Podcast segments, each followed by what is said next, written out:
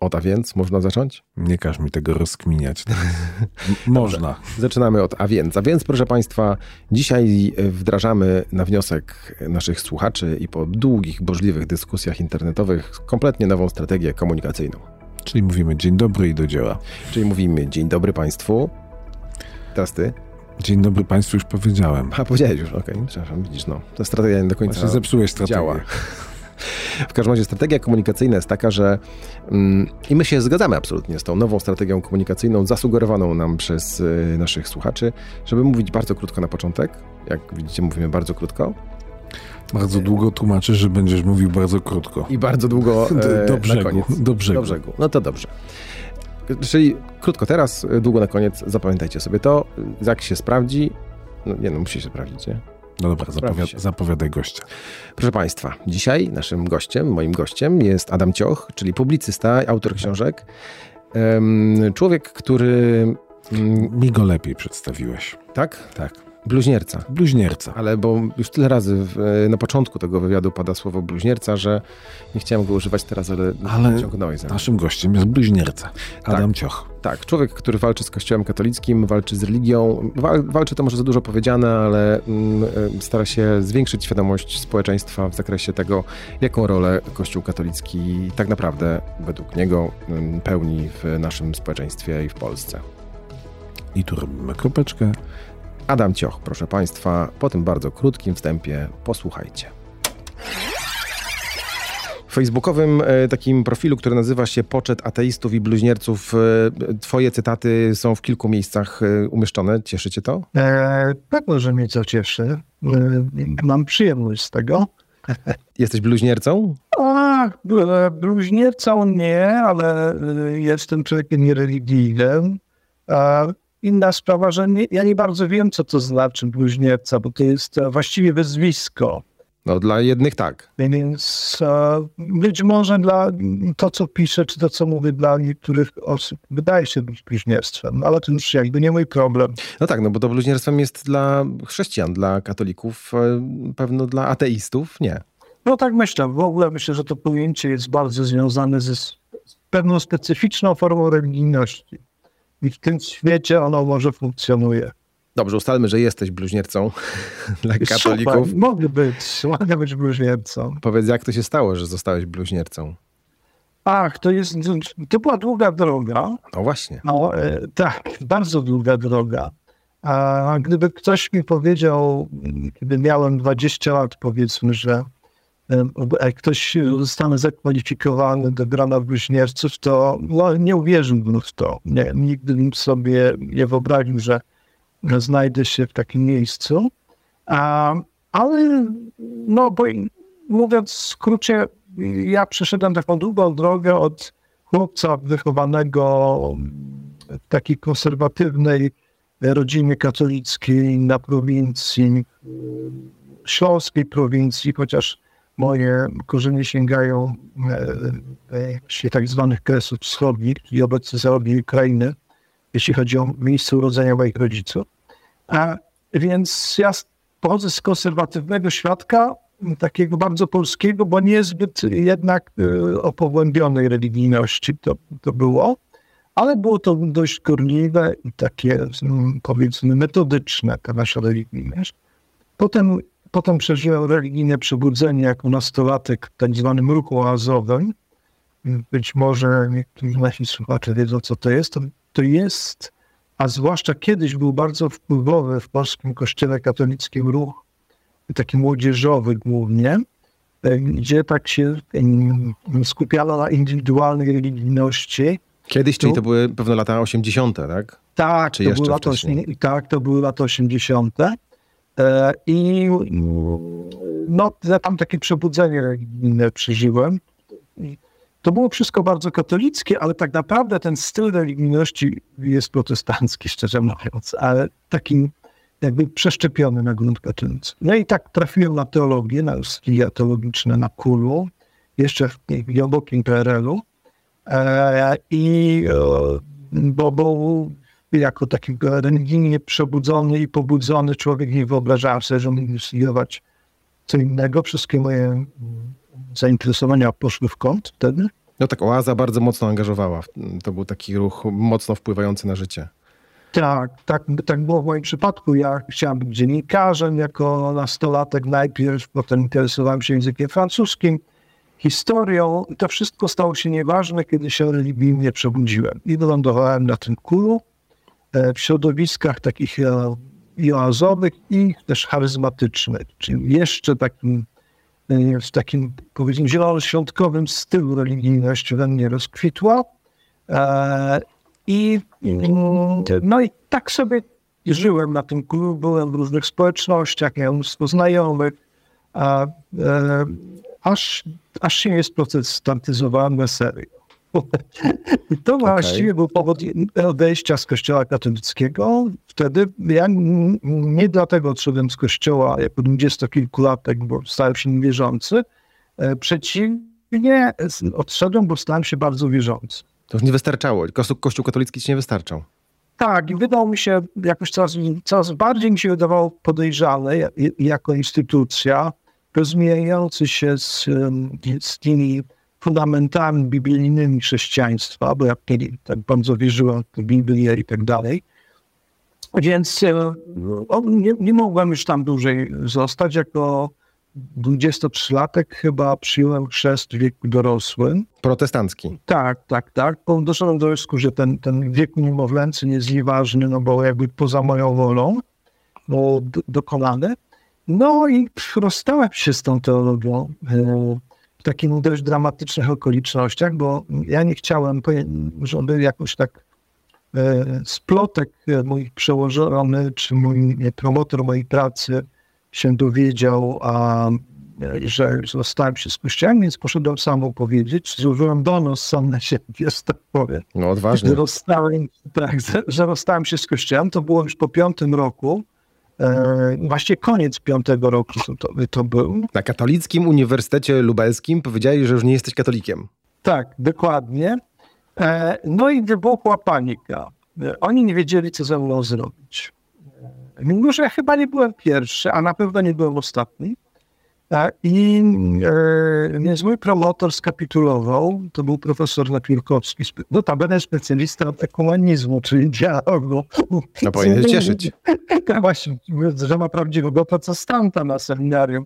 Wcale się nie cieszył. W ogóle pierwsze, co powiedział, to jeszcze bardziej mnie będą atakować, jeszcze bardziej się mnie będą czepiać, że mam takiego odstępcę wśród seminarzystów.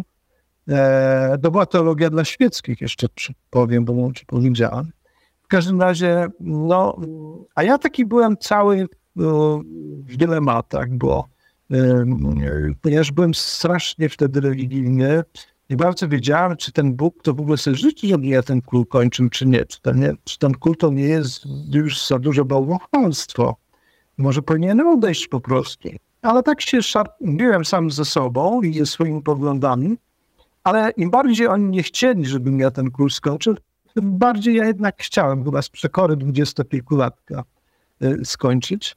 No więc zablokowali mi obronę. Kazali się e, jeszcze raz przyjmować na studia, chociaż ja się nie wypisałem. Ale powiedzieli, że ponieważ odszedłem z kościoła, to tak jakbym odszedł z uczelni. Chociaż Nigdzie to nie było napisane, więc no poszedłem do dziekana prosić o wyjaśnienia. Dziekan na mnie nakrzyczał, no to będę specjalista e, od etyki Nowego Testamentu, jak Iwan Kamer. E, powiedział mi coś takiego, mianowicie, kiedy ja cały czas mówiłem, że ja nie rozumiem, dlaczego to wszystko się dzieje wokół mnie, po prostu jak to skończyć studia, napisałem, zdałem wszystkie egzaminy, napisałem pracę, która jest dobra z tego, co słyszę, dlaczego moja obrona nie może się odbyć. Oni mi powiedzieli, on mi powiedział, no proszę pana, proszę sobie wyobrazić, a jakby pan zgwałcił jakąś dziewczynę, no musiałbym pana wylać z uczelni. No pan rozumie, że w tych okolicznościach e, no ja też nie mogę pana tu utrzymać. Ja wiem, ale co ma wspólnego? Dla nich było to samo? Chyba tak.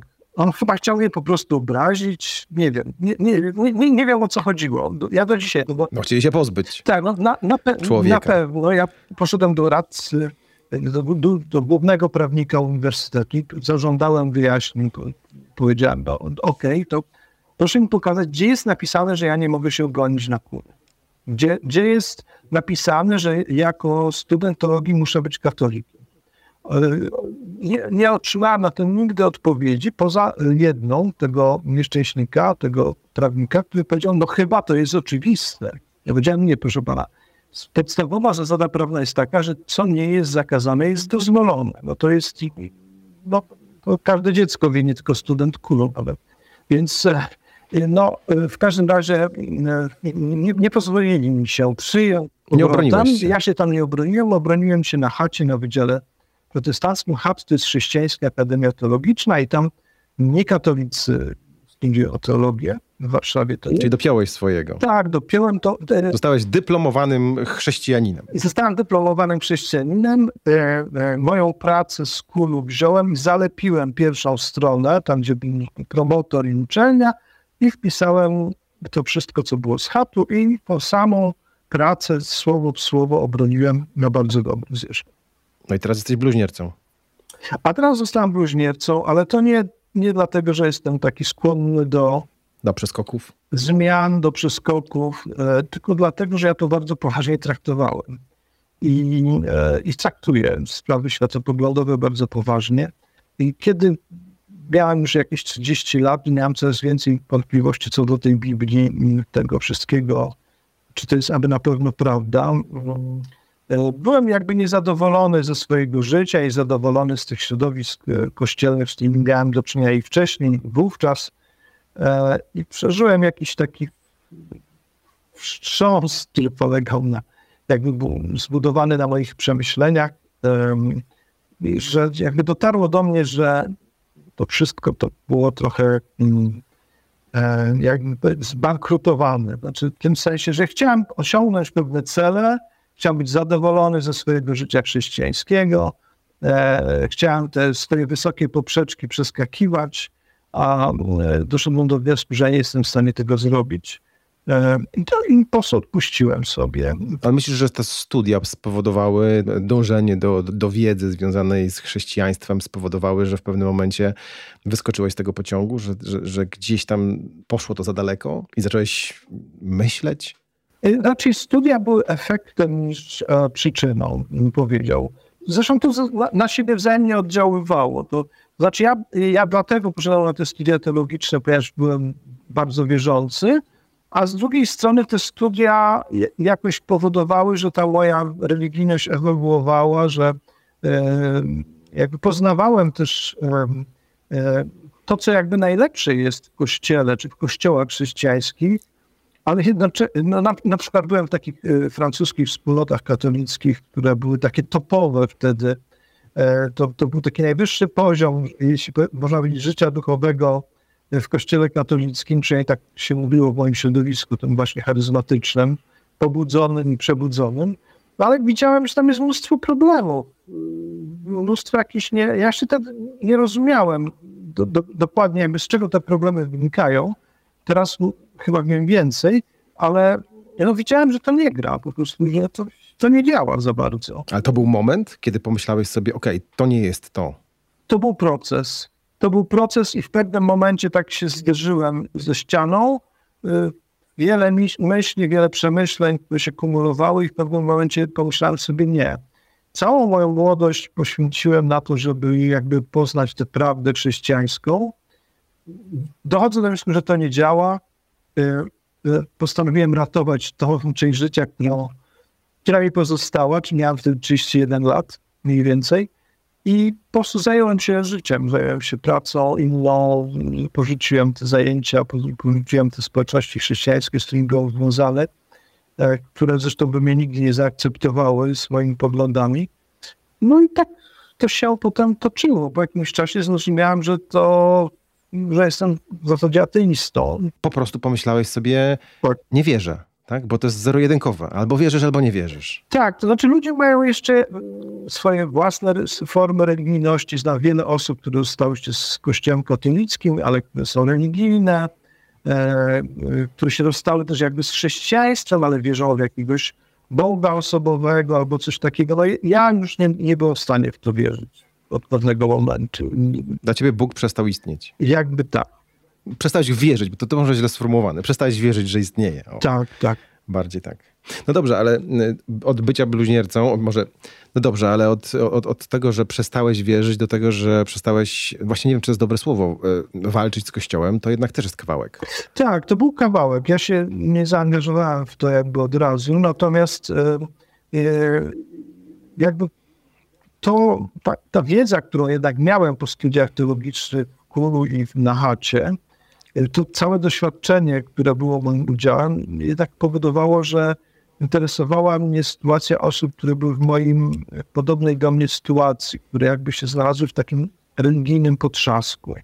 I e, to zaczęło mnie ciekawić. Pomyślałem sobie. W którym miejscu był ten potrzask? To znaczy, e, w tym sensie, że e, człowiek jakby chciałby pewne rzeczy osiągać, do pewnych rzeczy dążyć, e, e, a jednak... Jako chrześcijanin? Jako chrześcijanin dochodzi do wniosku, że nie jest w stanie, bo to zresztą te biblijne różne teksty, wymagania Jezusowe, że tak powiem, które znajdziemy w Ewangeliach, no, oczywiście załóżmy na chwilę, że, że taka osoba jak Jezus Nazaretu istniała i że te Ewangelie, które wchodzą w, w, w skład Nowego Testamentu, mniej więcej mówią to, co on mówił, bo tego to tak naprawdę nie wiemy.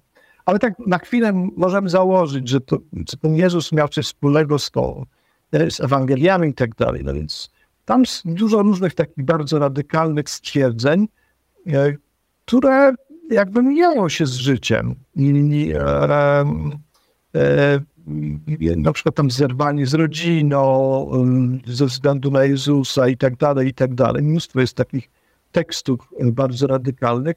I kiedy człowiek się zaczyna tym zastanawiać, i, czy, czy on to wszystko realizuje, spełnia i tak dalej, że, że, że, że na przykład o, o te słynne Jezusowe wymaganie, że e, kto myśli porządliwie, to już się dopuści cudzołóstwa.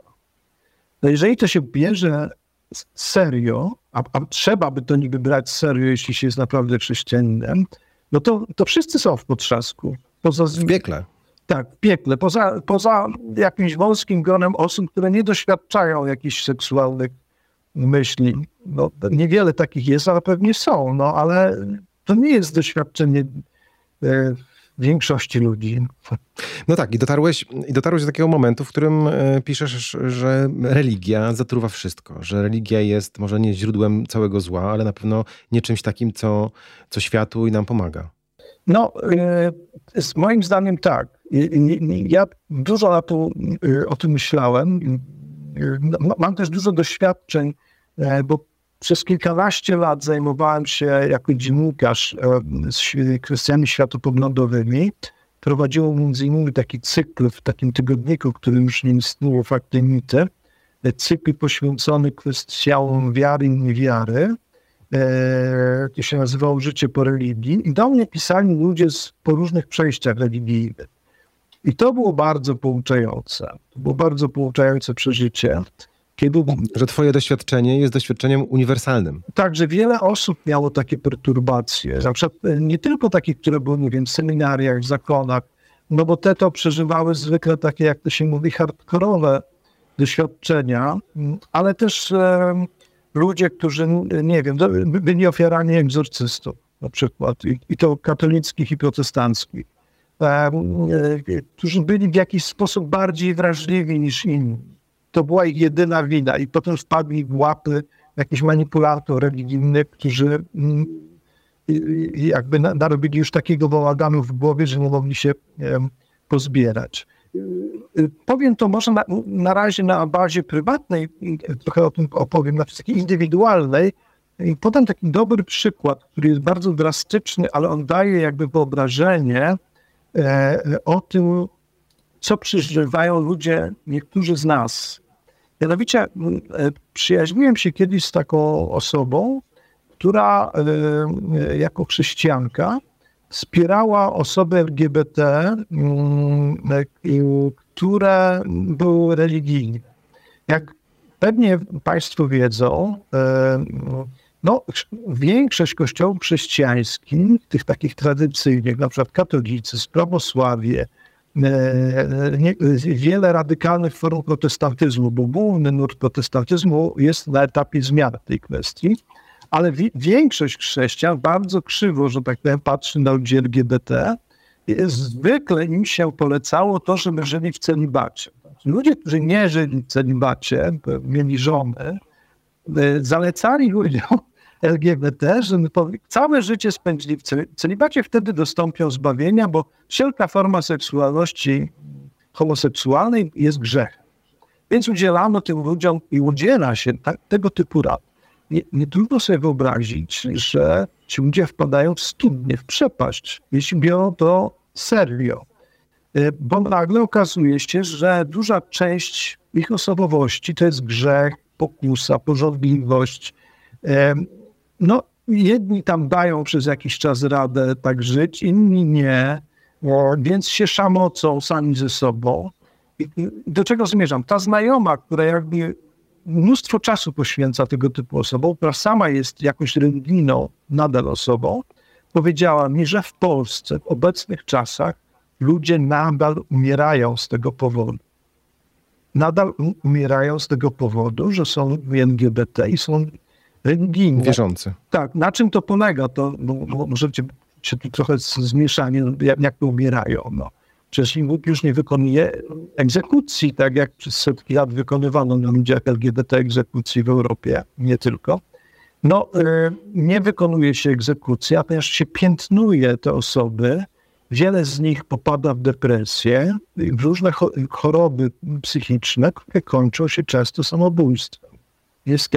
Czyli do połączenia bycie, e, bycie osobą homoseksualną, czy inna, inną niż heteroseksualną i, i wiara w Boga chrześcijańskiego jest nie do połączenia.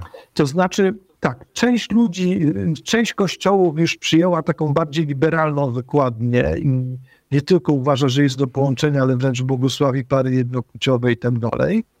E, e, to się trochę zmieniło, jakby zwłaszcza po protestanckiej stronie i starokatolickiej ale tak nie jest wszędzie. Na przykład w radykalnych kościołach y, protestanckich, świątkowych, baptystycznych, tak na ogół nie jest. Nie jest tak w kościele katolickim, mimo pewnych tam wypowiedzi Franciszka, które są dość mętne, mm, e, ale w każdym razie, do, do czego zmierzam? Po prostu zastawiono, religijność zastawia pułapkę na ludzi LGBT, która się często kończy śmiercią. I, e, oczywiście, I to są realne sytuacje. Tak, to są sytuacje z teraz. To są sytuacje cały czas z teraz. To jest poważne, poważna, poważna sprawa. Więc, e, więc na, na tym, na płaszczyźnie indywidualnej jakby religijność powoduje wiele zawirowań, nie tylko ludzi LGBT zresztą, a z drugiej strony e, na płaszczyźnie społecznej, międzynarodowej, politycznej religia cały czas wy, wywiera swój e, który ja się nie, nie ośmielam nazywać destruktywnym. Jest to wpływ destruktywny generalnie, zwłaszcza religie monoteistyczne, te wywodzące się z Bliskiego Wschodu, czyli judaizm, chrześcijaństwo i islam, e, są tutaj moim zdaniem bardzo poważnie obciążone. Przy, pomyślmy tylko przez chwilę. E, ja piszę o tym więcej e, w swoich książeczkach, ale, ale no, podam przykład, który właściwie mamy przed oczami. Bliski Wschód.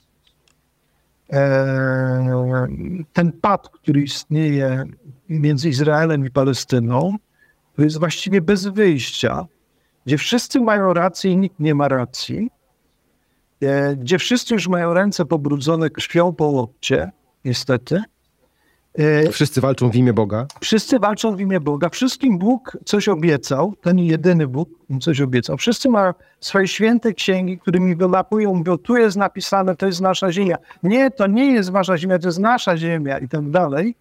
E, widzimy ten koszmar, e, który trwa już kilka pokoleń, Żydzi, którzy są przyparci do muru, których wyrzucono z Europy, bo tak nie trzeba powiedzieć, właściwie wyrzucono antysemityzm europejski i wypnął z Europy, sądzili, że znajdą tam spokojną przystań, nie znaleźli spokojnej przystani, co być może można było przewidzieć zresztą. E, e, I Palestyńczycy, którzy się czują ofiarami zarówno Żydów, jak i Europejczyków, którzy jakby politycznie ich wspierają i Amerykanów. Do tego potężne lobby chrześcijańskie, o czym się zapomina często w Polsce, zwłaszcza w Stanach Zjednoczonych, który bezkrytycznie wspiera Izrael e, i pcha administrację amerykańską do bezkrytycznego popierania właściwie wszystkich decyzji, które dowolny rząd izraelski podejmuje.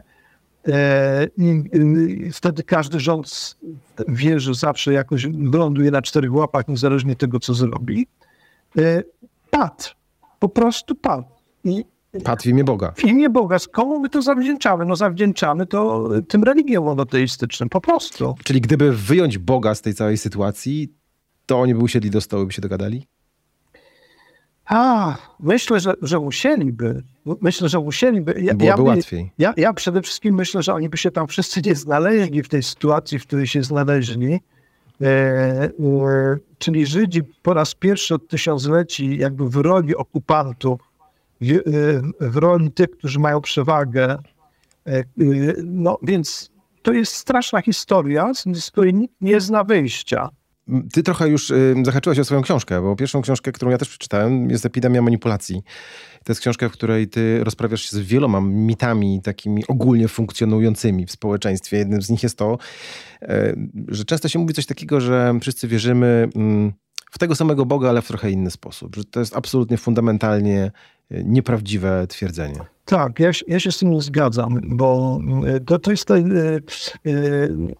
Ludzie, ludzie wierzący, żeby niektórzy z nich, żeby jakoś uporać się intelektualnie i emocjonalnie z tym, że religii jest wiele i bogów jest wiele, mówią sobie tak, okej, okay, tak jest, ale tak naprawdę to Bóg jest jeden i nie ma problemu. Każdy z nich, z nas wierzy w tego samego mniej więcej Boga i chce tego samego, więc jest okej. Okay.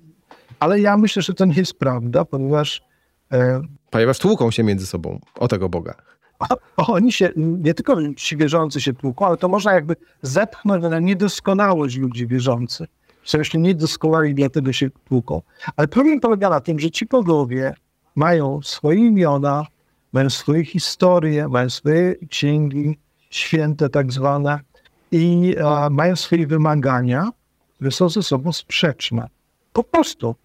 To jest wszystko ze sobą sprzeczne. Twierdzenie, że my, my e, wierzymy więcej w to samo i że wierzymy w jednego Boga, jest nie oparte o, o jakiekolwiek fakty, a jest tylko oparte o to, że monoteiści, którzy wierzą w jednego Boga, życzyliby sobie, żeby wszyscy w jakiegoś jednego Boga wierzyli. Ale ich Boga. Ale ich Boga, ale tak nie jest po prostu. Nawet, nawet chrześcijanie, ja wiem, że to zabrzmi Y, zabrzmi trochę prowokacyjnie, nie, nie mają jednego Boga, wbrew temu, co twierdzą, bo mamy y, tą tradycję taką żydowską, która w niektórych nurtach chrześcijaństwa jest do dzisiaj, kiedy jest taki ścisły monoteizm. Jest, Bóg jest jeden, to jest jedna osoba, kropka. I mamy tą tradycję trójcy, która zwyciężyła w pewnym momencie w IV wieku a mało brakowałoby, nie zwyciężyła, ale zwyciężyła za pomocą zresztą pięści, mieczy i innych tego typu narzędzi. E, główny nut chrześcijaństwa zaczął wierzyć w trójce, czyli że jest wprawdzie jeden Bóg, ale w trzech osobach, ojciec, syn i tak dalej. No i szczerze mówiąc, to mam wrażenie, że to nie jest ta sama opowieść. Kiedy mówimy, że jest jeden Bóg w jednej osobie i jeden Bóg w trzech osobach. To nie jest to samo. To nie jest to samo opowieść, bo są różne interesy. Tak, to są różne interesy i są różne osoby po prostu. Więc opowiadanie, nawet chrześcijanie nie mają wspólnego Boga, szczerze mówiąc, bo mogą się tutaj pokłócić właściwie, kto jest Bogiem, czy nie, czy Chrystus jest Bogiem, czy nie. No to chrześcijanie się tak na tysiące lat już o tym kłócą. I pewno jeszcze trochę będą. Tak. Da się reformować Kościół? Twierdzisz też, że coś takiego nie istnieje, jak zmiana Kościoła od wewnątrz, że można tylko odejść. Ja tak myślę, że, że można tylko odejść, dlatego no, z takich bardzo, jak mi się wydaje, zdroworozsądkowych powodów. Mianowicie, e, zreformować możemy coś, na co mamy wpływ. Możemy coś zmienić, jeśli mamy na to wpływ. Jaki wpływ na Kościół katolicki mają wierni. Moje sąsiadki. I na przykład taki, e, no powiedzmy, e, ludzie mówią, trzeba zostać w kościele i e, modlić się i w ogóle starać się go zmienić, żeby był lepszy. Ale i, i jakie decyzje może zwykły wierny podjąć, które mają wpływ na zmianę w tym kościele? Na przykład żeby biskupi nie ukrywali już tych pedofilów księży. No tak, nie można zrobić głosowania, tak, bo y, my zmieniliśmy władzę w Polsce. W, tak prosto to w kościele nie zadziała. To nie zadziała, ponieważ jest to autorytarna struktura. To jest struktura autorytarna, która zawsze taką była, odkąd tam pod koniec starożytności i średniowieczu katolicyzm się ukształtował. To jest monarchia. Albo inaczej dyktatura, z tego rodzaju oczywiście, w której jedna osoba ma wszelką władzę, to jest papież.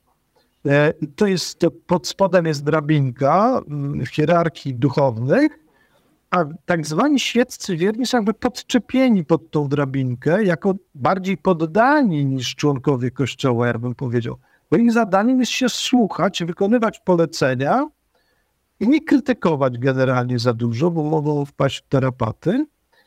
I, i tyle. Więc e, twierdzenie, że jak ktoś mi mówi, że chce reformować Kościół, to ja wtedy pytam, jak? Co chcesz konkretnie zrobić? I jakie uzyskujesz odpowiedzi?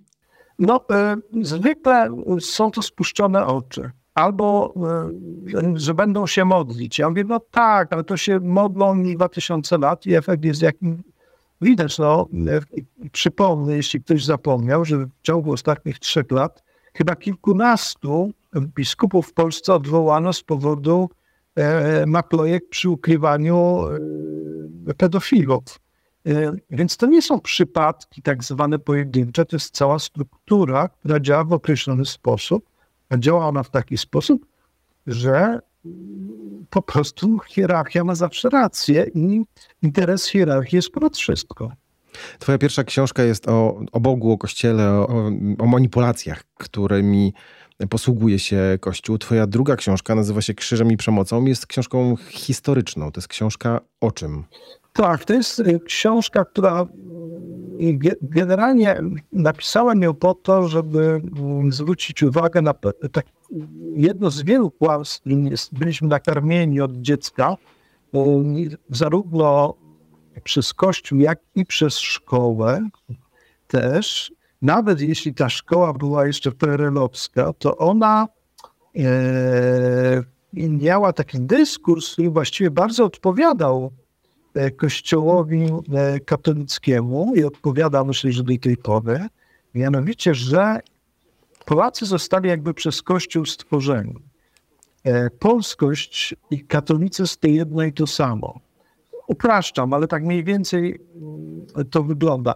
Nawet Gomułka, który przecież no, raczej był chyba nie religijny, jak sądzę, a na pewno był e, członkiem e, partii, która zwalczała teoretycznie Kościół, przecież przyjął za datę powstania Polski, to jest słynne tysiąclecie państwa polskiego, Chrztu. przyjął datę tak zwanego chrztu Polski.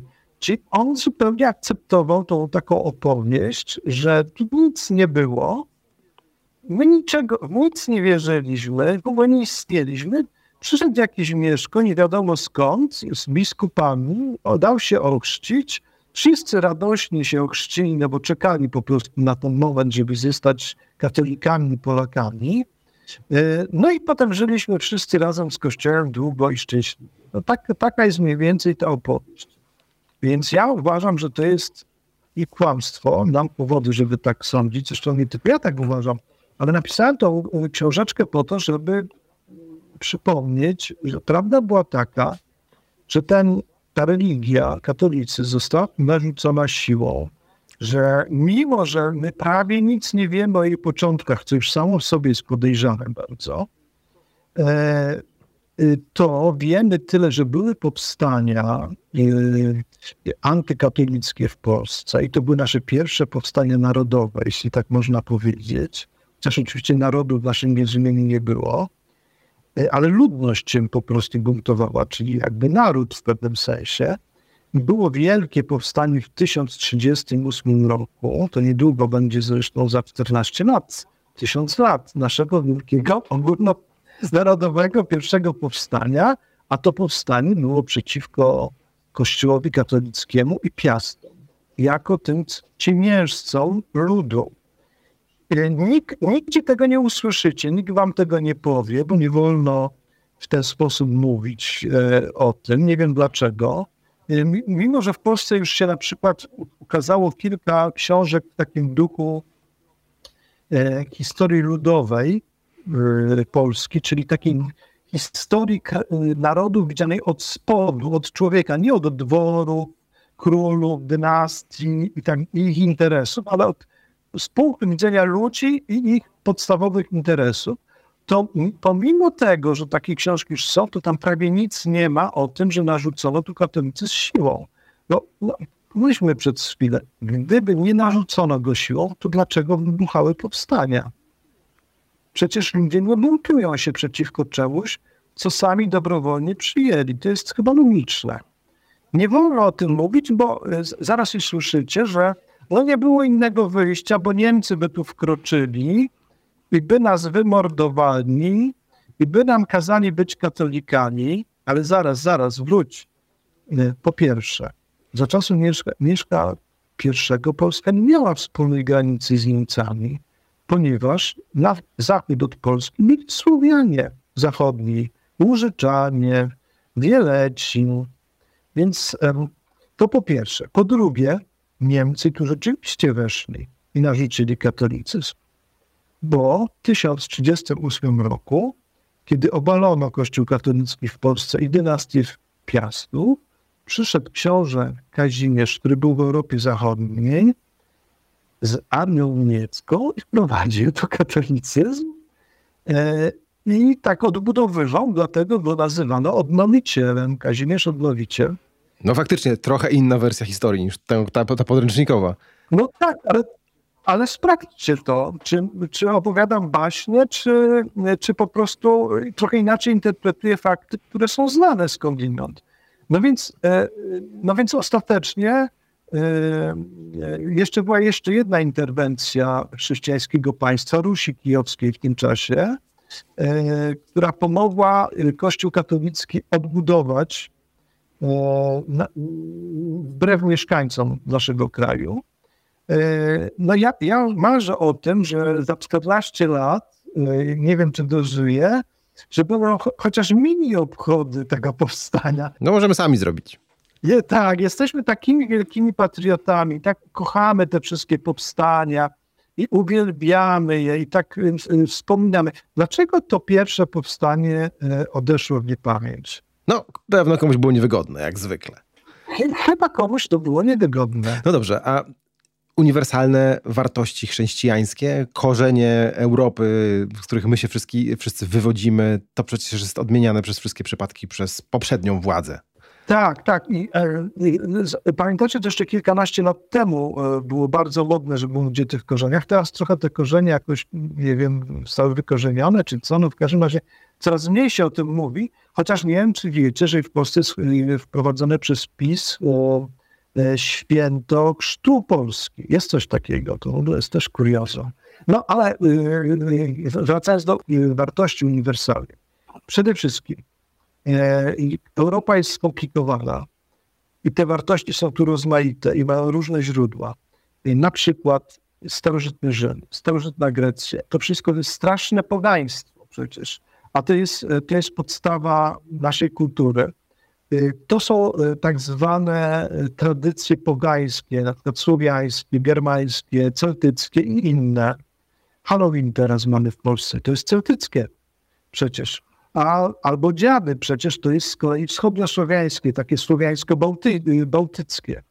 Więc e, to, powiedzieć, że Polska to są tylko wartości chrześcijańskie, no to jest śmieszne. Oczywiście, że, że te wartości też tutaj e, jakoś były, ale co to są właściwie za wartości?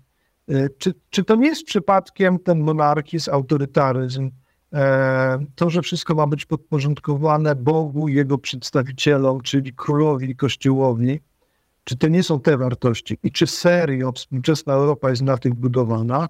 czy a może jednak na oświeceniowych wartościach, czyli zbuntowanych przeciwko chrześcijaństwu, świeckich, e, zbudowanych na prawach człowieka. Mi się wydaje, że ta Europa, którą my budujemy która nam się podoba i która, do której, o którą walczyliśmy na przykład w ostatnich wyborach i przez te 8 lat rządów PiSu, to nie jest chrześcijańska Europa oparta na autorytarnych wartościach, tylko to jest Europa praw człowieka, czyli oświeceniowa. Przeskoczmy tysiąc y, lat, trochę więcej do Polski. Jan Paweł II.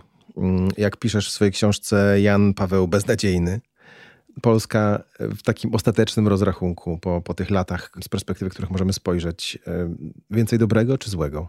No, ja, ja też jestem z tego pokolenia, które było w dużej mierze oczarowane Janem Pawłem II, bo ja jeszcze pamiętam jego wybór. Miałem wtedy 11 lat, kiedy został wybrany, więc świetnie to wszystko pamiętam, następne lata.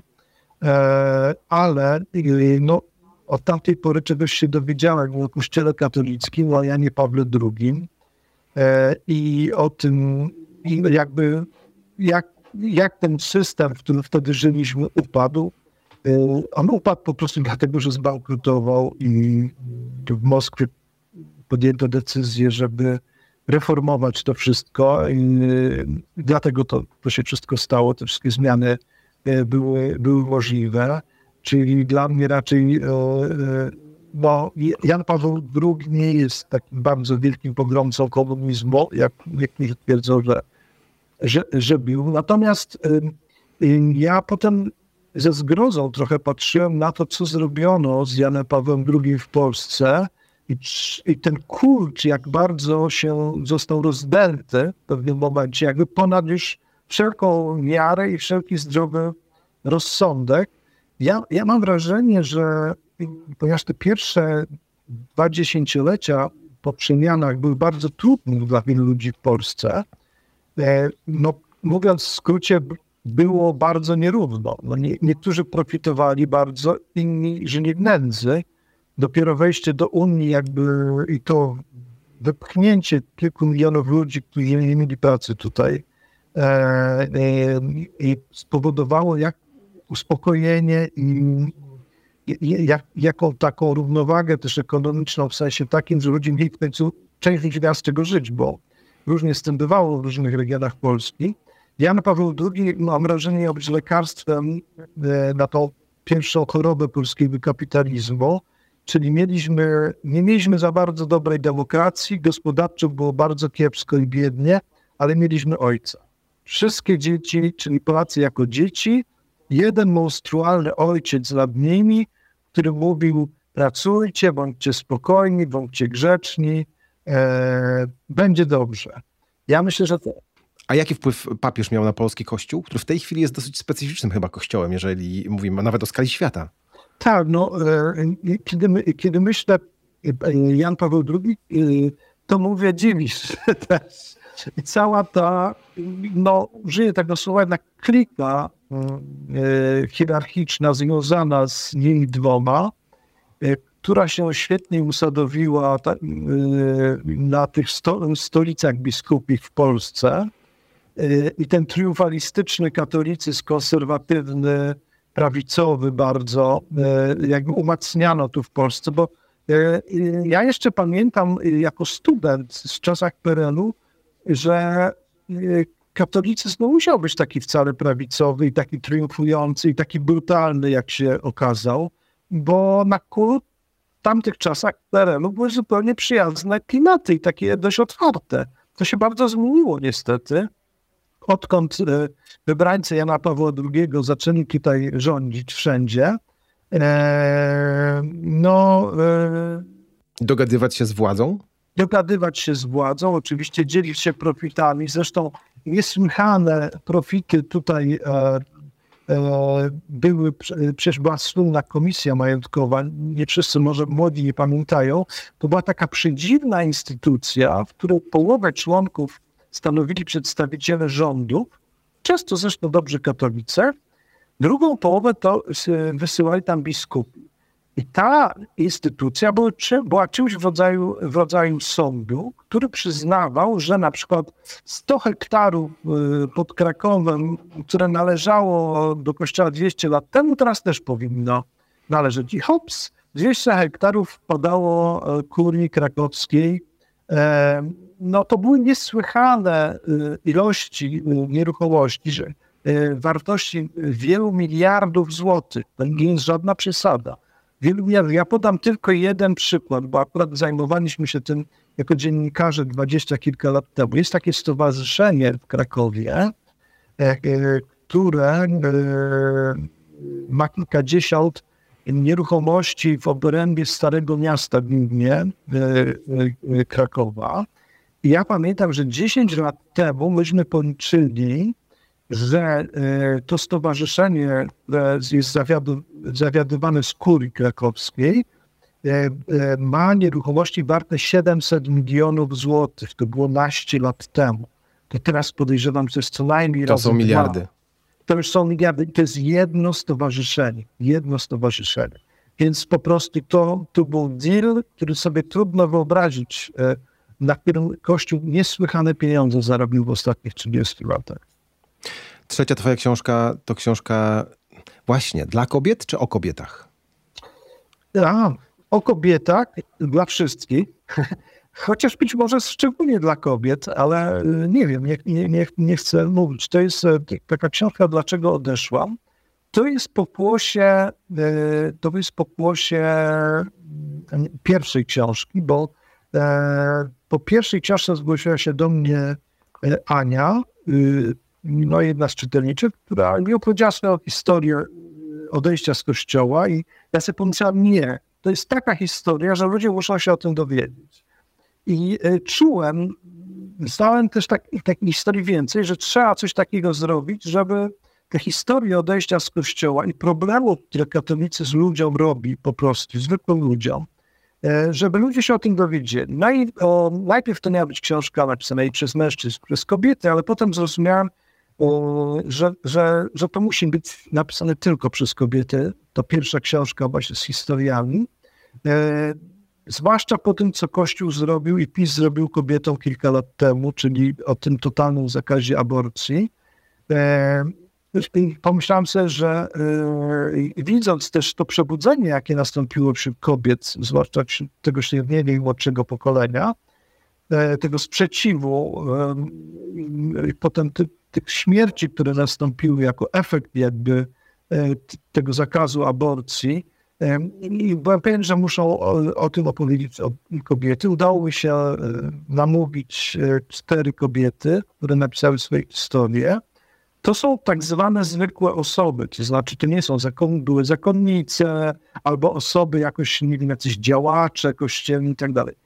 I dlatego uważam, że ta książka jest cenna, bo ona pokazuje tą truciznę tej doktryny, która wpływa na życie rodzinne, na życie małżeńskie, na wychowanie dzieci i niszczy ludzi albo, za, albo komplikują bardzo życie, doprowadzając do rozwodu, doprowadzając do konfliktu, e, do, do zerwania więzi międzypokoleniowych. Jedna z tych historii, to też jest historia dziewczyny, która jest osobą bardziej wrażliwą niż większość z nas. E, bardzo się cieszę, że ta rozmowa tam zawarta, ta opowieść e, jest, a to dlatego, że o, o tych osobach się w ogóle nie mówi. To, ja myślę, że to jest jakieś 10-12% społeczeństwa. I one mają jeszcze trudniejsze życie z powodu doktryny kościelnej, kiedy one padają w ręce kościoła. E, bo czy, czy, czy ktoś w Polsce się zastanawia nad tym, że są kobiety, to są tysiące kobiet, dla których zajście w ciążę oznacza śmierć. W sytuacji, w której aborcja jest nielegalna, jest niemożliwa, to oznacza śmierć samobójczą. I Dlatego... te kobiety, jak widać po statystykach, po prostu podejmują decyzję, że nie zachodzą w ciążę, bo w tej chwili mamy dramat demograficzny. Tak, tak, tak, tak. Zresztą to jest też to, moja rozmowa z jedną z y, osób, z którą pracowałem e, w ostatnich latach i kobieta w średnim wieku która mi powiedziała tak, słuchaj Adam, myśmy planowali z mężem mieć dwoje dzieci, ale będziemy mieli tylko jedno, a dlatego, że ja kocham mojego syna, kocham mojego męża i ja nie, zaryzy nie zaryzykuję zajście w ciążę, które może się skończyć moją śmiercią. E, więc po prostu będziemy mieli jedno dziecko. PiS mi ukształtował moje życie rodzinne, na nich powiedziała. Planowałem mieć dwójkę dzieci, będę miała jedno z powodu PiSu i Kościoła. Trochę odwrotnie im to wyszło. Tak, to i trochę odwrotnie wyszło, ale tak, takie są skutki, że część osób, zwłaszcza takich, które nie wiem, są starsze trochę albo mają jakieś większe problemy zdrowotne, mówi, no nie, nie, nie podejmę tego ryzyka. Nie podejmę w tej sytuacji takiego ryzyka. Twoja czwarta książka jest dla dzieci. Wydajesz książkę, która nie jest twoją tym razem. Tak, to znaczy ja nie mam wydawnictwa, ale współpracuję z wydawnictwem Letra Print, e, które jest tak miłe i wydaje te książki. E, Natomiast a, jeszcze nie powiedziałem, że te książki powstały w większości dzięki wsparciu czytelników. Były zrzutki takie czytelnicze robione, czyli ludzie jakby z wyprzedzeniem kupowali te książki, zanim one jeszcze zostały wydane, e, dzięki czemu one mogły się ukazać, więc e, bardzo się cieszę. Jeszcze raz z tego miejsca dziękuję wszystkim.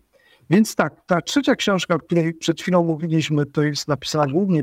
To czwarta. Przed, tak, czwarta, ale e, ta napisana przez kobiety, to tam jest tylko mój wstęp i moje zakończenie razem napisane z dwoma e, e, kobietami zresztą.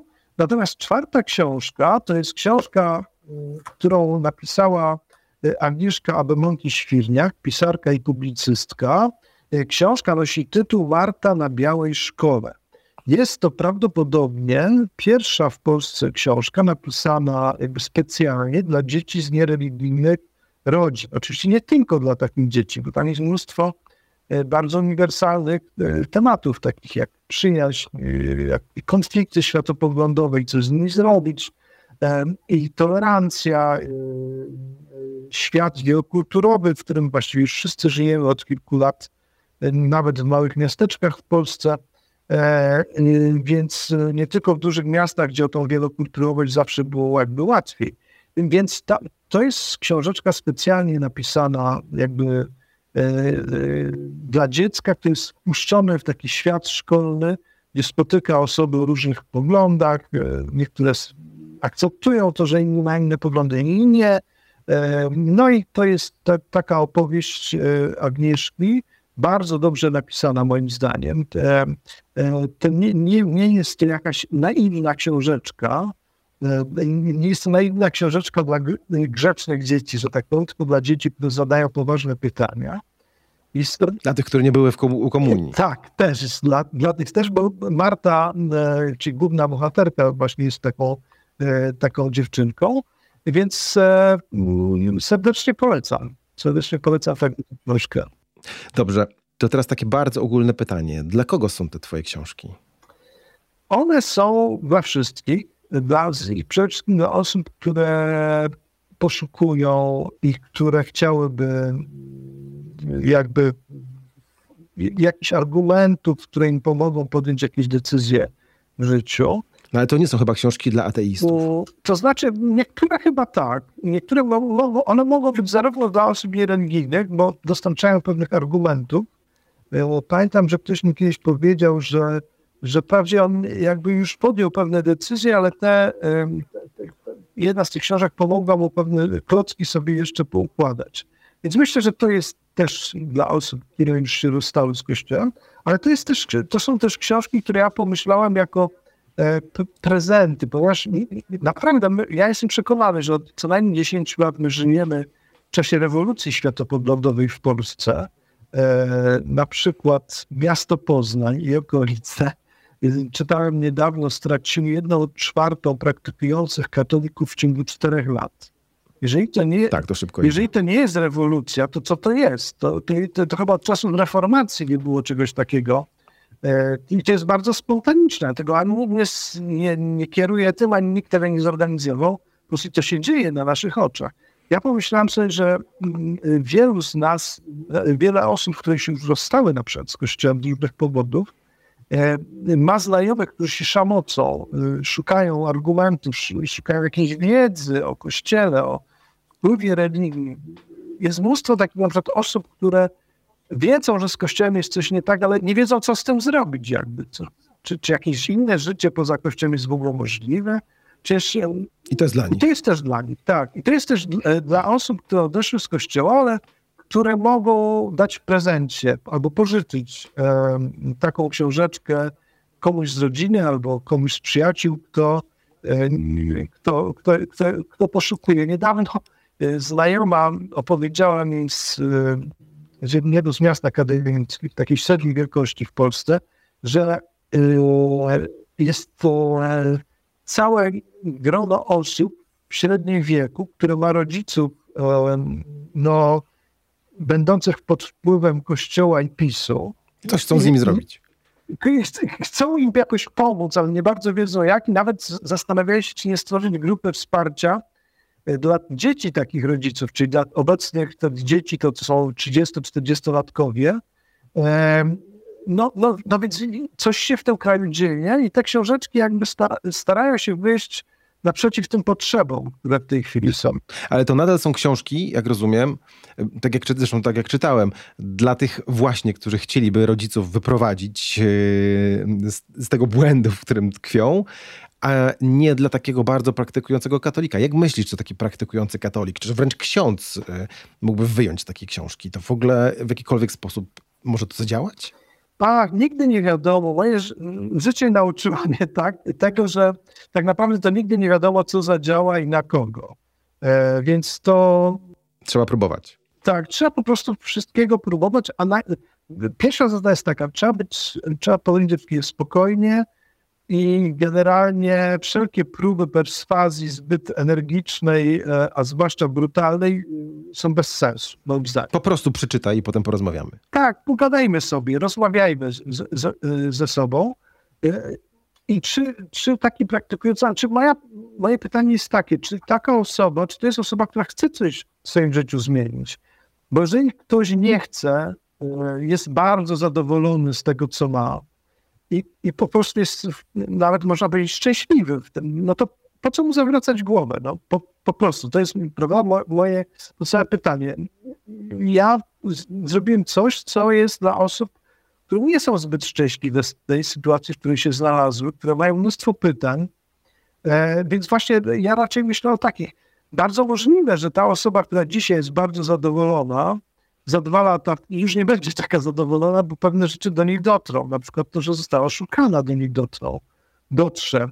E, albo na przykład telewizja, którą oglądała, przestanie już być tak, tak toksyczna i e, zacznie, zacznie coś się dziać. Zacznie coś się dziać w głowie, tak. Zaczną powstawać pytania są dwie teorie.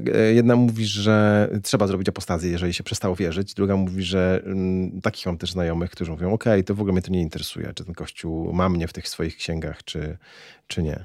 Ha, no ja myślę, że obydwie, y, obydwie postawy są jakoś tam uzasadnione. Ale ja się skłaniam mm, ku temu, żeby jednak wspierać takie postawy apostazyjne, że, że tak to nazwę.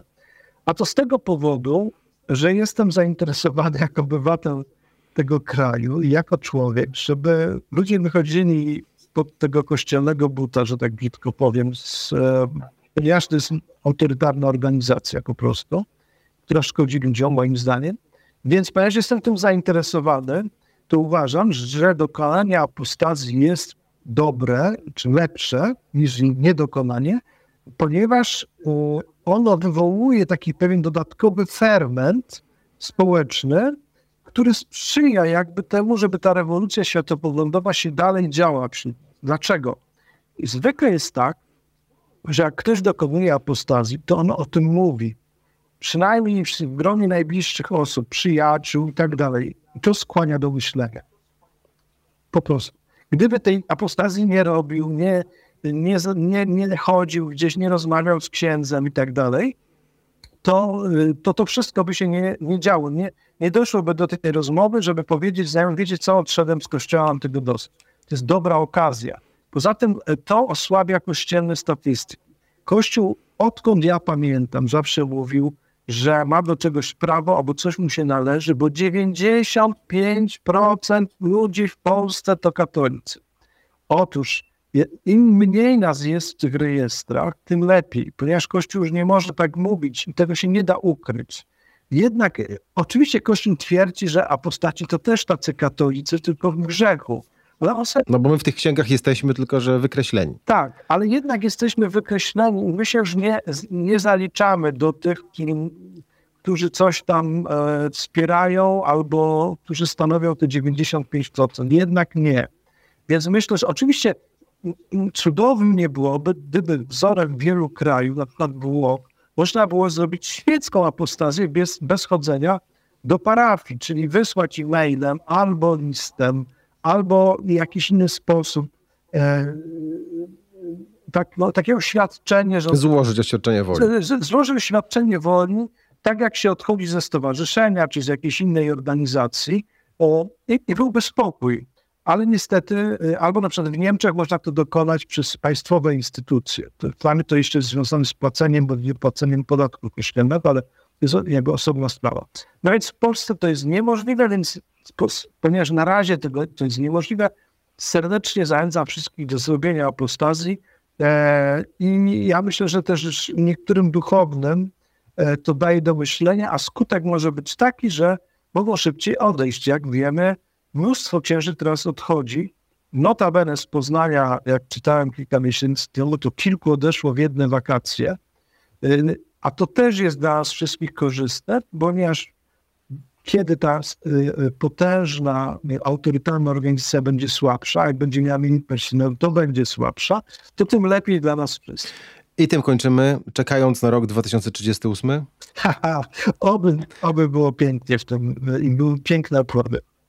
Dziękuję Ci bardzo. Moim gościem był Adam Cioch, publicysta, autor książek i twórca strony. O tym żeśmy nie powiedzieli, ale tam można sobie wejść i, i poczytać pomocświatopoglądowa.pl. Tak, zapraszam serdecznie do wchodzenia tam i też w moich książkach jest e-mail, więc do mnie można pisać. Dziękuję za zaproszenie i dziękuję za wysłuchanie.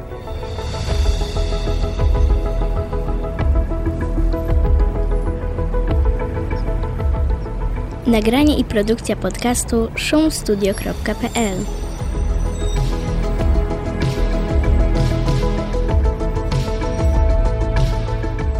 Nasz krótki wstęp miał e, dwie minuty.